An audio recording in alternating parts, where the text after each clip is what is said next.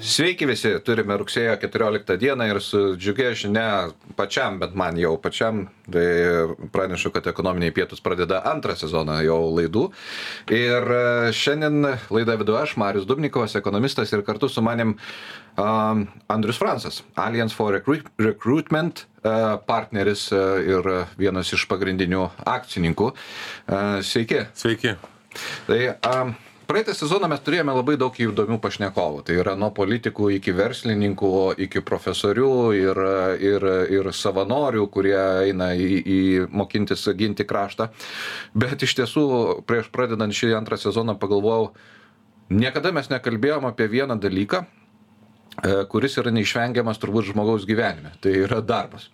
Tai mes tikriausiai visi ne tikriausiai bet visi susiduriame su tuo kad miegame valgome gyvename mylime pykstamės ir taip toliau bet yra kita neišvengiama dalis tai yra darbas. Tai yra kad ir kaip bebūtų vis tiek su darbu susiję. Tai nutariau pakviesti andrių francą nes jisai visiem pareklamuosiu galima linktinę pasižiūrėti ir man patinka jo straipsniai apie tai apie darbo darbo rinką.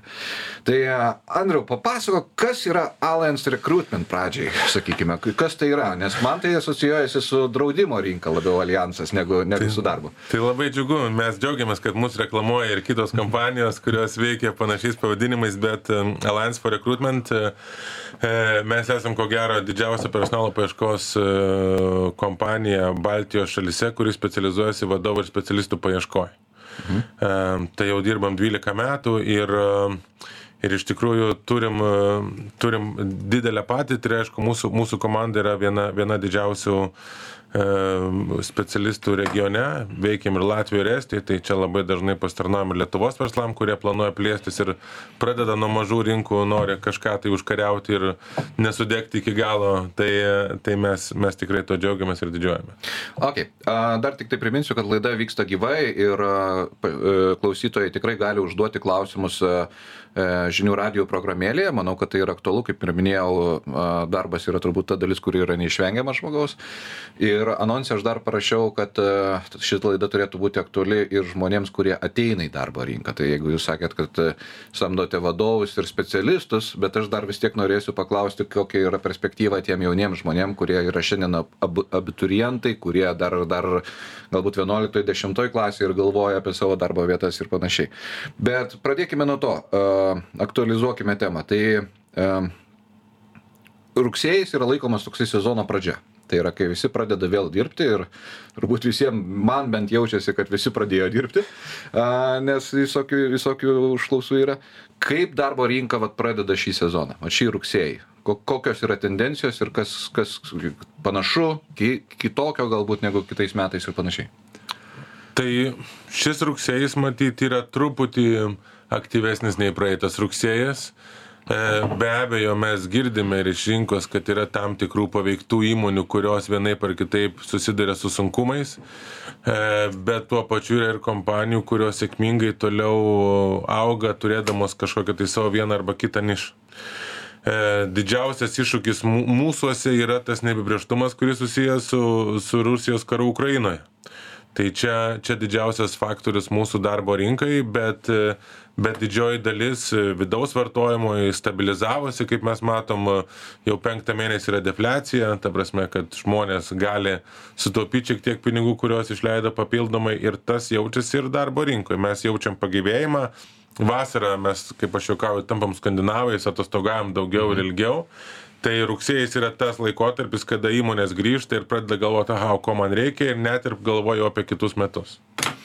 Sektorius paminėjot. E, kokie sektoriai tie laimintys ir kokie sakykime tie kurie nu kurie samdo sakykime šiandien žmogų ir tie kurie nesamdo ir vėlgi įvairiuose sektoriuose dar ir net ir nuo kompanijų priklauso. Vienom kompanijom tam pačiam sektoriuj gali būt tarkim gamybiniam gamybiniam sektoriuj okei lyg tai baldininkai labiau pali pa paliesti yra ar ne šitos situacijos kadangi lyg tai įstoja statybos gyvenamo būsto kur kur tie baldai labai plačiai taikomi e, bet tuo pačiu yra kitų gamybinių kompanijų kur tie patys darbuotojai gali būt pritaikomi nežinau ten toj pačioj elektronikos pramonėj arba reiškia transportas e, far farmacijos sektorius, industrija, gamyba, ten tie dalykai nestoja ir toliau važiuoja.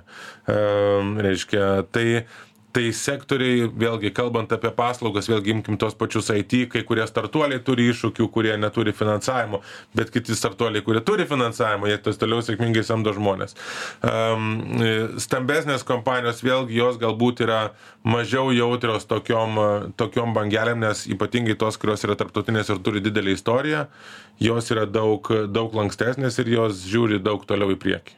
Jeigu taip trumpai pažiūrėtume man visą laiką aš visą laiką ieškau rinkoje indikatorių indikatorių kurie galėtų pasakyt o kas gi laukia mūsų už kampo. Tai ten pavyzdžiui transportas yra labai geras indikatorius nes jeigu važiuoja prekės reiškias reiškias ir ekonomika vystosi žmonės vartoja jeigu vartoja reikia gaminti reiškias reikia žmonių. Jūs turbūt irgi vienas turbūt aš taip įsivaizduoju vienas pirmųjų kuris pastebite kaip keičiasi rinka. Tai jeigu taip trumpai atsakius pavyzdžiui lietuva šiandien dienai į kur juda? Tai yra į didesnį samdymą ar į susitraukimą kažkokį tai mes galim pasakyt taip kad susitraukimas e, pirmasis įvyko praeitų metų paskutinį ketvirtį Mhm. E, net jeigu kaip tai atrodo netikėta, bet, bet įmonės pajutusios, kad, reiškia, vis tiek čia ta situacija kažkokia, jos pristabdė. Ir, ir, ir tas pakritimas jisai matomas rinkoje, bet, e, sakykime, nuo pavasario po truputį mes va, matom tolygų augimą į viršų. Tai nėra, reiškia, dviženkliai skaičiai, bet po truputį mes važiuojam aukštyn. Tai tas, tas džiugina ir, ir vėlgi, aš manau, kaip ir kiekvienoje situacijoje įmonės arba suranda būdų, kaip prisitaikyti ir išvažiuoti ir ieškoti sprendimų, naujų rinkų, dar kažko, dar kažko, nes vis tiek mes daug turėjom to paralelinio eksporto, čia visokių prekybos, dar tų veiklų ir dar vis kažkaip tai vyksta su, su Rusija, Baltarusija, nors jis jau beveik visiškai už, uždarytas. Tai, tai jau net ir tos kompanijos, kur jau rado būdus, kaip persiorientuoti. Tai, Tai tas džiugu, sakau, aišku, skirtingi sektoriai, apie tos pačius transportininkus pakalbėjo, tai transportininkai važiuoja sėkmingai ir, ir, ir, ir, ir, ir reiškia, kilometražas jisai, jisai nemažėja tų pravažiavimų, kurie yra Vokietijoje, Prancūzijoje, Italijoje ir taip toliau. Tai reiškia, kad kažkaip tai pragyvenome pra, pra tą žiemą tai vėlgi mes esam maža šalis. Nuo mūsų nelabai kas priklauso. Mes negalim pasakyti kada reiškia pakelti bazines palūkanų normas centriniam bankui lietu reiškia europoj ar ar amerikoj ar ten reiškia vienaip ar kitaip reaguoti į infliaciją ir nedarbo lygį tai viskas priklauso nuo nuo pasaulinių rinkų dabar vėlgi nuo nuo nuo gamtinių išteklių kainų kiek kainuos benzinas kiek kainuos nafta kiek kainuos reiškia dujos nes vėlgi tai yra sudedamoji dalis e, tam tikrų produktų ir ir reiškia paslaugų. Tai tai nuo nuo to mes esam priklausomi. Tai kol kas jeigu jeigu didesnių pokyčių nebūtų E, dar nėra poveikio to, ką mes matom iš tų, reiškia, bazinių palūkanų normų augimų, kiek žmonės gali išleisti pinigų ir, ir, ir, ir mokėti už būstą savo.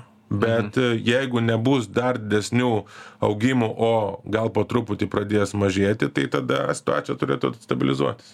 Ar yra skirtumas tarp, vis tiek kažkaip suprantu, jūs fokusuojatės daugiau į užsienio investuotojus, kurie čia ieško specialistų, bet kaip suprantu, yra ir lietuvių kapitalo, kuris taip pat ieško specialistų taip. ir konkuruoja. Yra skirtumas požiūriu, pavyzdžiui, į ateitį iš užsieniečių ir lietuvių?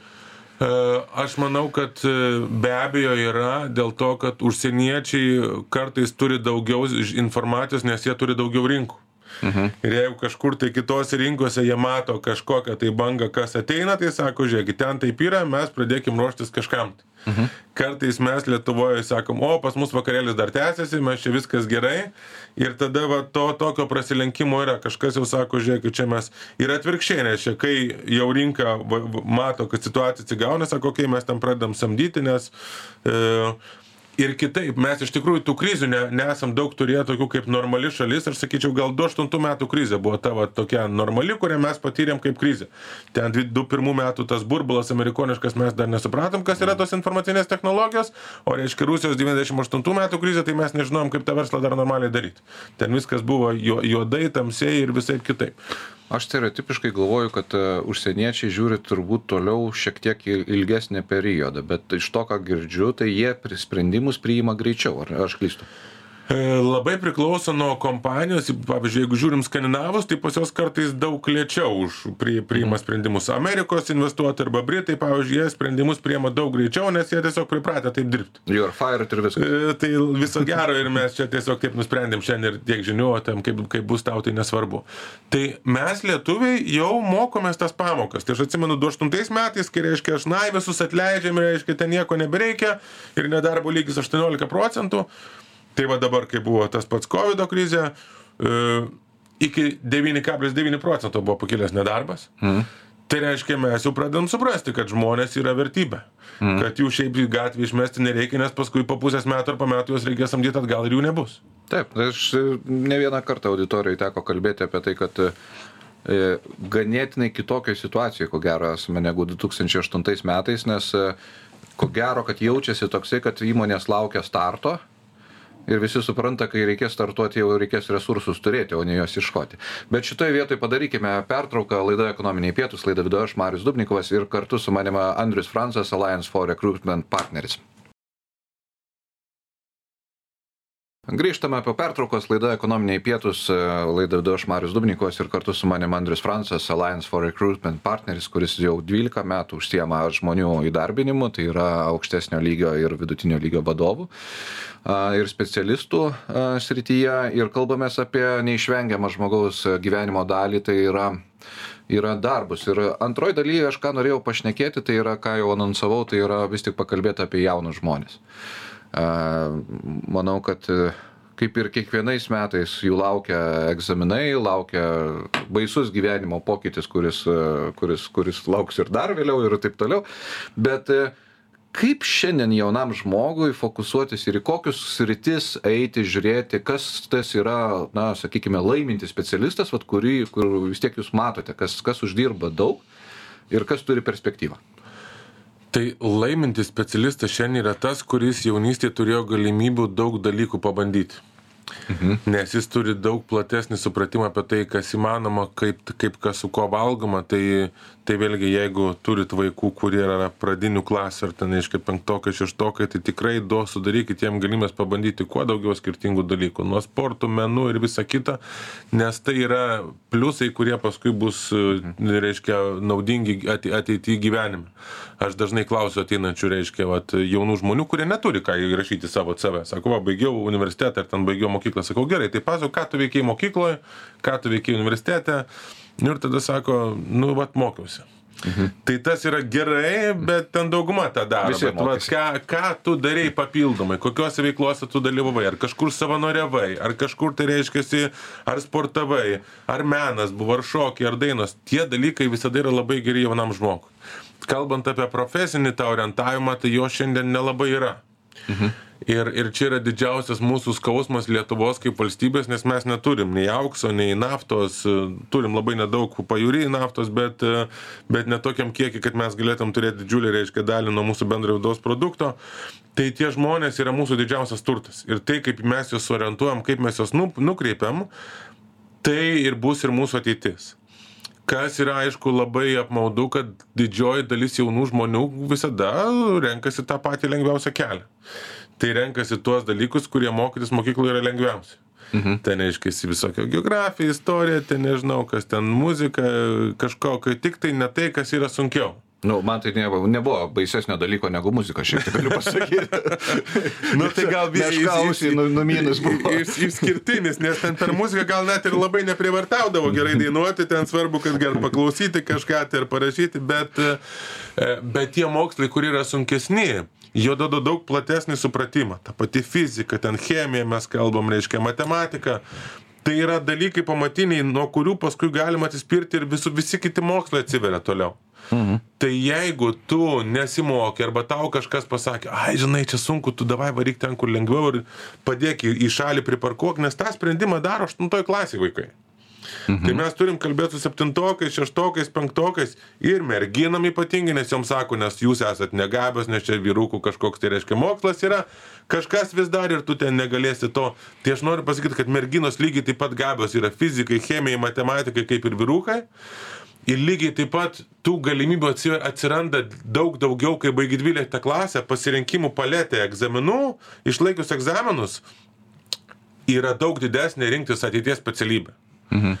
Tai tikrai siūlau tėvam konsultuoti vaikus, kad nebijotų nei fizikos, nei chemijos, nei matematikos, e, reiškia, gimnazinėse klasėse, nesvarbu, koks tas pažymys bus, reiškia, pačioj pradžioj, užsikabinti ir patobulėti iki 12 klasės tikrai galima, mokytojai daug dėmesio duoda, nes tų vaikų kiekvienais metais vis mažėja.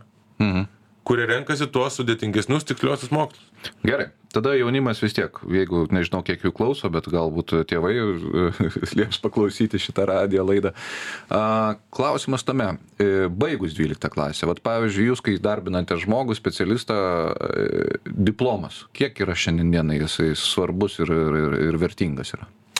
Ir net baigus 12 klasę, ką daryti, dar ne, ne, mhm. ne, ne diplomo, reiškia, to universitetinio, nes yra spaudimas iš aplinko, žiūrėk, dabar tu turi kažkur įstoti. Mhm. Nes jeigu dabar neįstoji, nu tai čia gėda visai šeimai, kaip čia dabar tu neįstoji, čia dabar bet kas gali mokytis universitete.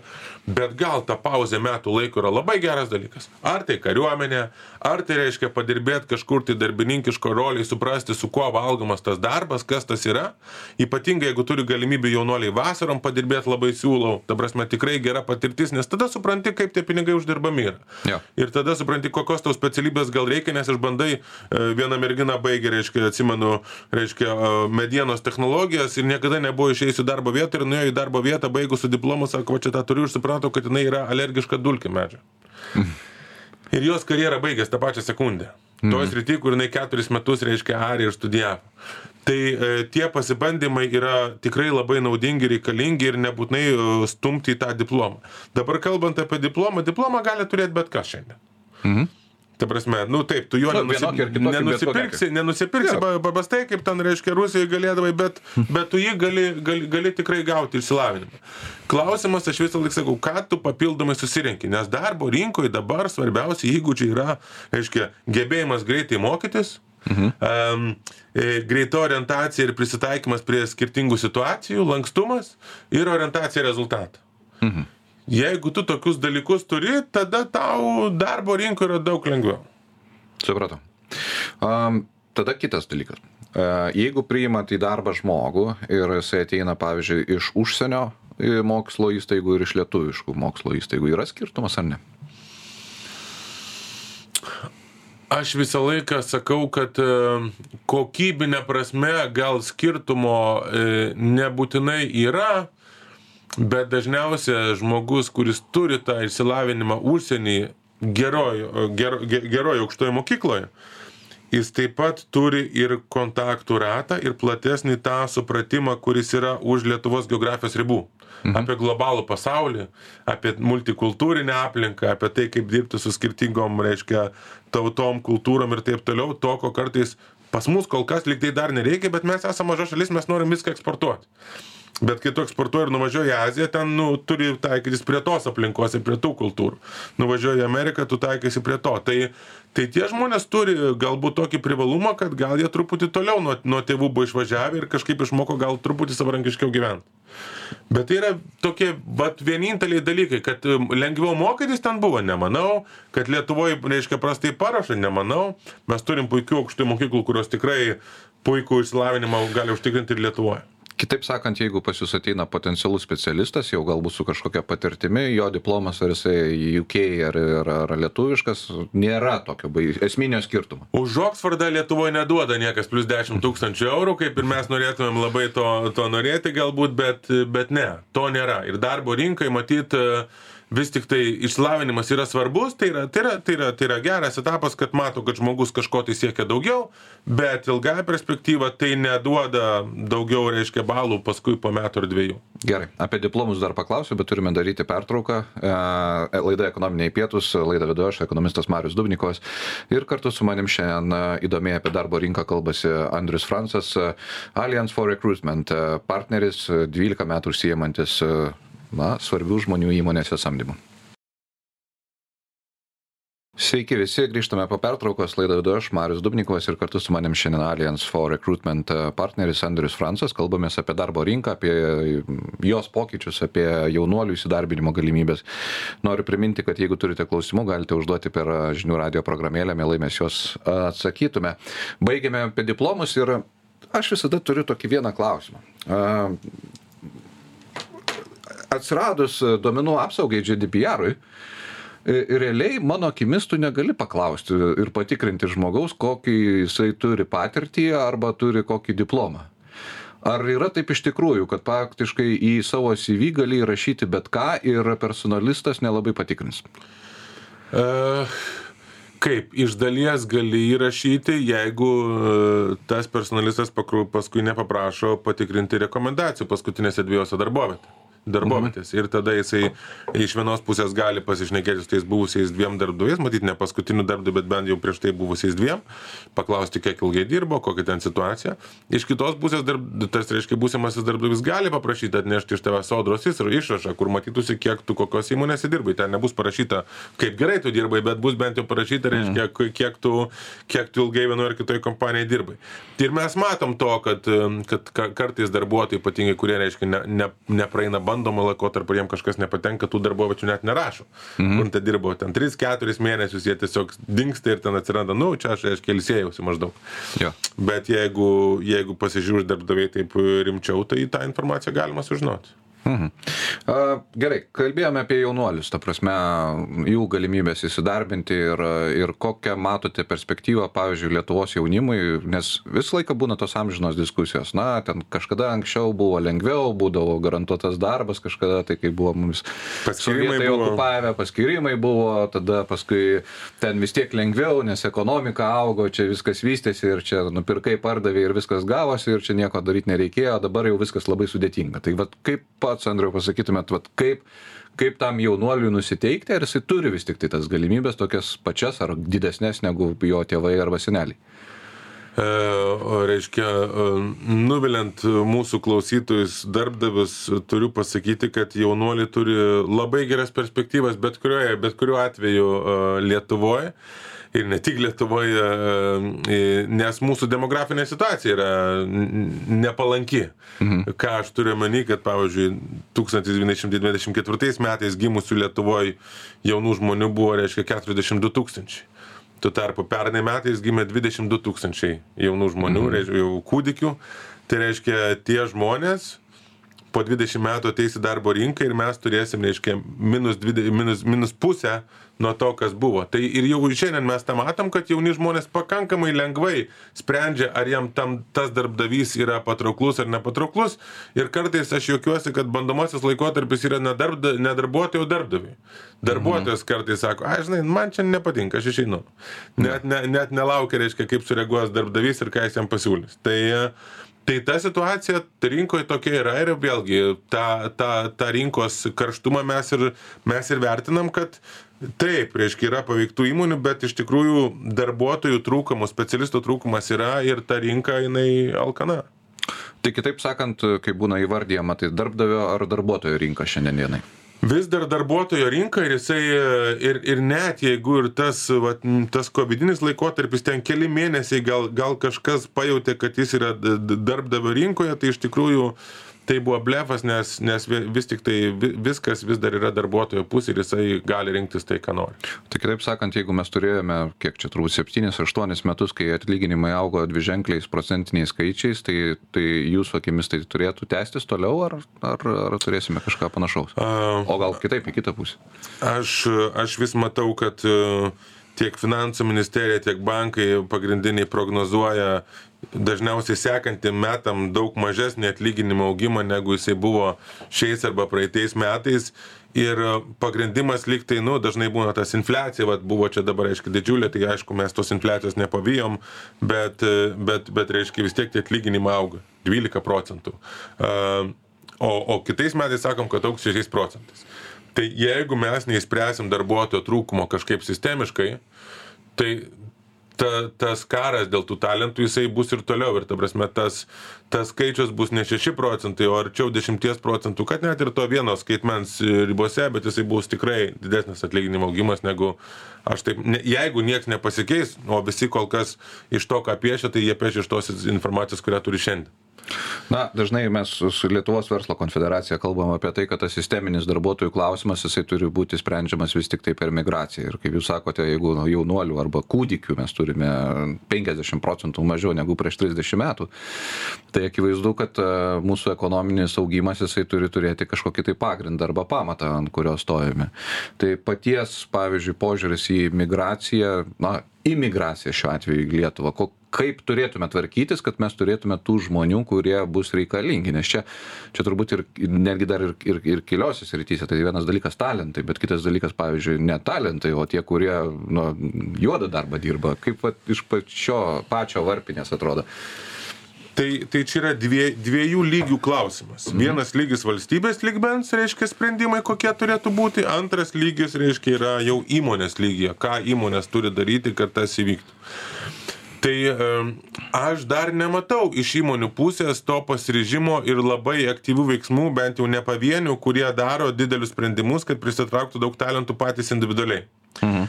Um, kalbant apie valstybės lygmenį, ir aš galėsiu paskui dar apie prie įmonių pagrįžti, uh, kalbant apie valstybės lygmenį, mes tikrai turim savo atsakyti ir pasakyti visiems nieko neapgaudinėjant, kad žiūrėkit, vienintelė galimybė mums išlaikyti mūsų pensininkus, reiškia toliau sėkmingai aukti kaip ekonomikai, yra turėti migrantus. Ir, ir tai yra vienintelis būdas, nes jeigu mes, mes turėsim, reiškia, minus 40 procentų E, darbo jėgos ateinančios iš mūsų įstaigų, tai, tai tą 40 procentų mes kažkaip turėsim užpildyti.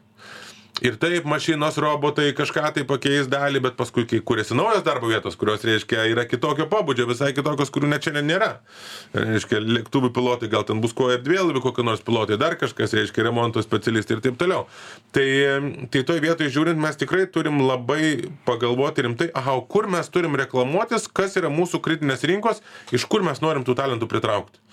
Nesakyti visam pasauliu, kokie mes čia fainai Lietuvoje, būdami, reiškia, 2 milijonai, kablelis ten, reiškia, 8 e, žmonių, nu mes esam neįdomus. Tu labai tikslingai turi sakyti, žiūrėkit, mano auditorija ir tada sako, jo, bet čia Baltarusija labai blogai, reiškia. Mhm. Reiškia, nu, ukrainiečiai gal ir nieko, bet čia vis tiek, čia jie, reiškia, ir, ir, ir tą, ir tą dar. Rusai tai iš vis čia blogai, Bet tada einam toliau, tai kas? Aha, Uzbekistanas, Kazakstanas, kas čia yra gerai?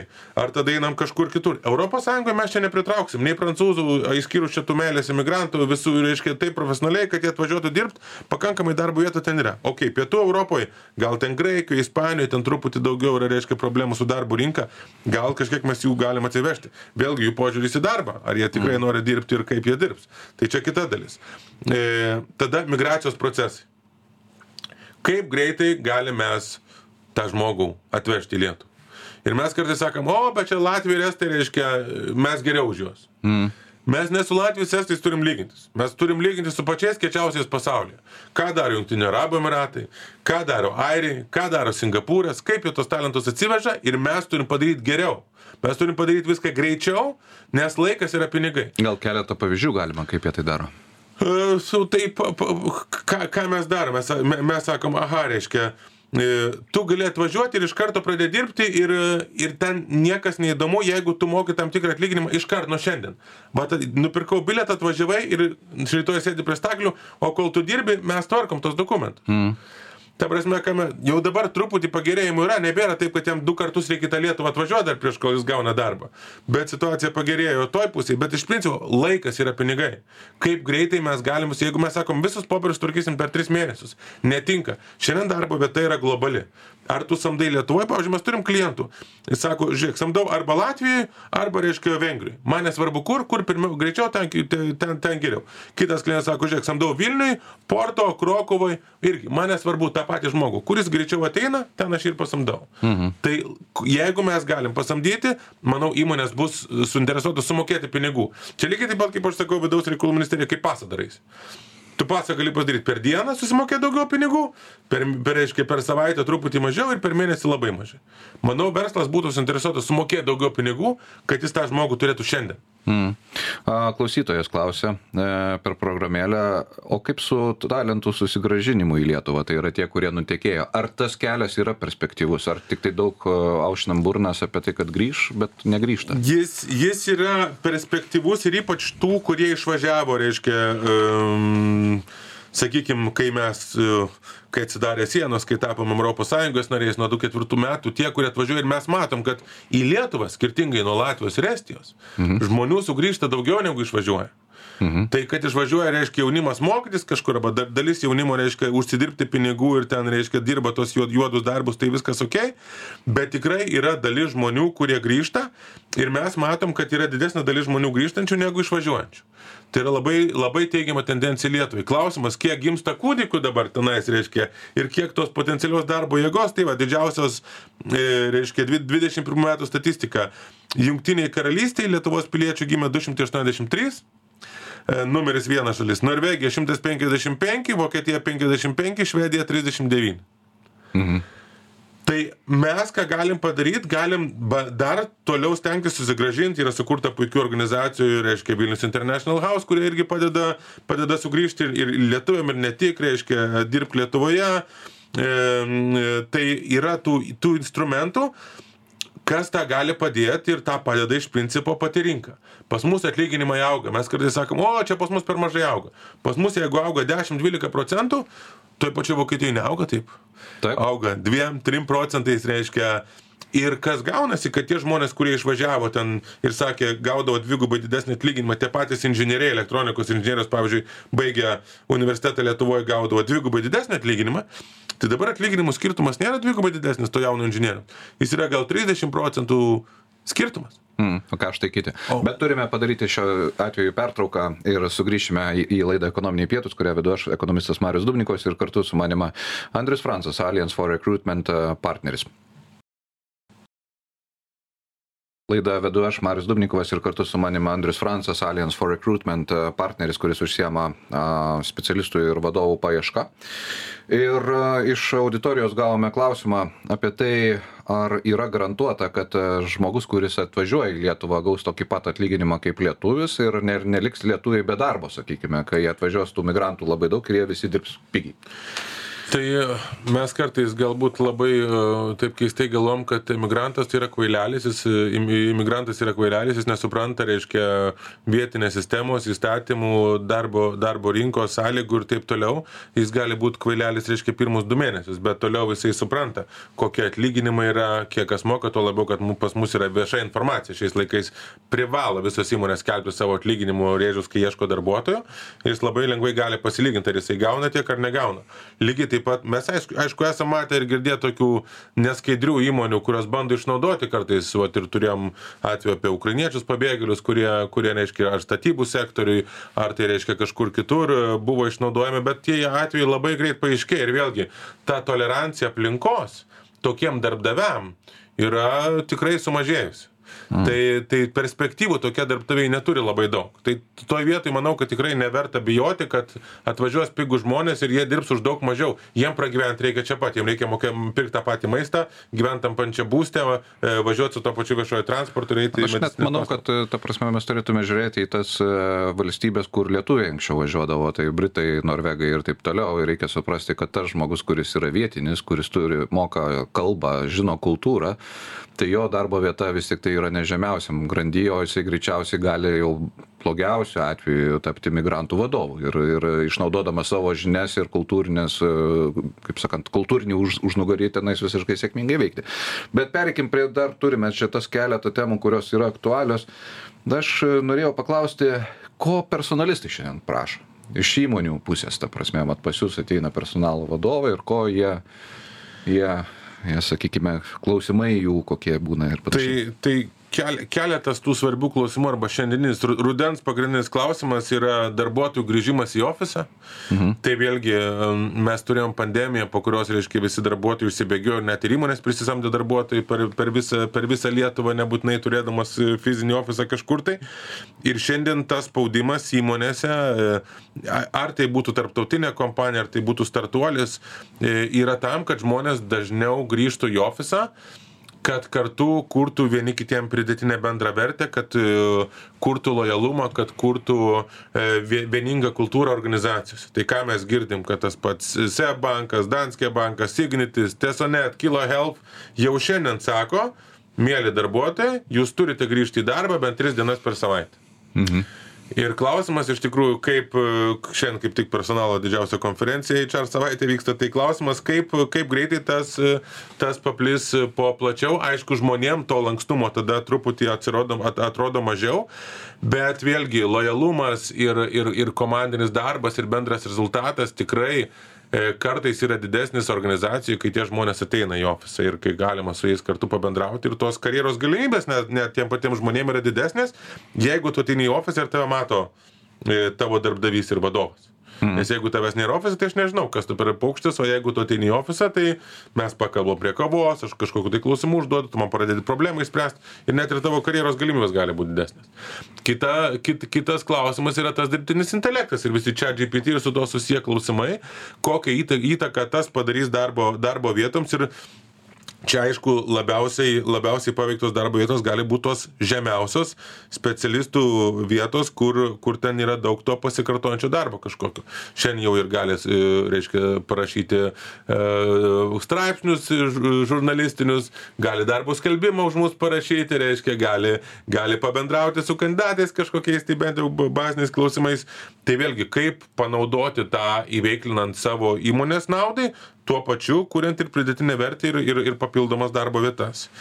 Ir aišku, tas trečias klausimas tai yra ta nauja, nauja karta, kuri ateina pas mus į darbo rinką. Mhm. Ta Z karta, kurią vadina ir jaunai šiandien ateina gimusiai 2000-aisiais ir truputį po jų, e, nes jų filosofija ir jų vertybės yra visai kitokios negu tų žmonių, kurie buvo prieš tai, e, ankstesnių kartų ir jiems yra labai svarbus, reiškia, įtrauktis, įvairovė, socialinė atsakomybė įmonių, e, aplinkosauga, kaip mes išsaugosim mūsų planetą, ką mano įmonė konkrečiai daro to klausimu, kokia yra, kokia yra lygybė lygios teisės ir vienodai visiems žmonėms siekti karjeros galimybių, turėti vieningą atlygį.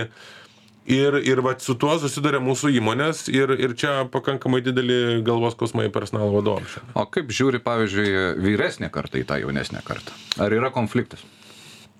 E, aš manau kad e, vyres vyresnė karta kai kurie tiem kuriem labai nedaug liko iki pensijos sako ai man čia pora metų tai čia man nieko daryt nereikia tiem mm. kuriem poros metų neliko jie turi daugiau metų tai jie supranta kad tų žmonių įmonėse bus vis daugiau kiekvienais mm. metais ir jie turės vis stipresnę galią derybinę diskusinę vertybinę organizacijose tai jeigu tu šiandien nepradedi to pokyčio matyt gali likti paraštėse darbo rinkos ir ir nebūti patrauklus darbdavys. Mhm Supratau. Šiaip taip, kalbant apie dirbtinį intelektą buvo paliesta ir čia dabar daug tų konferencijų yra ir turbūt mada darosi apie dirbtinį intelektą kalbėti, nors galbūt dar ne, jo ne, didelė dalis turbūt nėra įvaldžiusi, bet e, norisi turbūt pasižiūrėti į statistiką, kai pavyzdžiui prieš šimtą metų pasaulyje gyveno 2 milijardai žmonių, praėjusiais metais lapkričio 15 gimė 8, e, atsirado 8 milijardinė siela pasaulyje ir ko gero kad visi turi darbą. Tai e, dirbtinis intelektas kaip technologija jinai nu nesužlugdys šio pasaulio tiesiog jinai jį praturtins ir galėsime dirbti aukštesnės kvalifikacijos tiesiog turbūt darbas čia vat vis tas klausimas kas bus protingesnis ar mašina ar ar ar žmogus kažkuriam tai etape ir vėlgi jeigu mašina gali labai greitai mokytis tai va čia vat vienintelė baimė yra tų kurie kurie prognozuoja kad nereiktų žmonėms paskui dirbti robotams. O o visa kita tai yra pagalba ir ir ir galimybės atrandant dar naujas galimybes darbo rinkoj kuriant naujas darbo vietas sakau apie kurias mes dar šiandien net nekalbam. Nes tikėtina kad po penkių dešimties metų bus naujų darbo vietų kurių šiandien net nėra. Gerai šita optimistine gaida turime baigti nors ir dar turiu daug klausimų bet e, laikas išseko labai greitai. Laida ekonominiai pietūs laidą vedžiau aš marius dubnikovas ir kartu šiandien apie darbo rinką su kuria neišvengiamai susi susiduriame iš abiejų pusių tai yra kaip ir sam samdantys žmonės kaip ir dirbantys žmonės. Kalbėjosi andrius francas alliance for recruitment e, partneris e, kurie užsiema vadovų ir ir specialistų paieška. Tai ačiū andriau kad atvykai ačiū labai iki mariau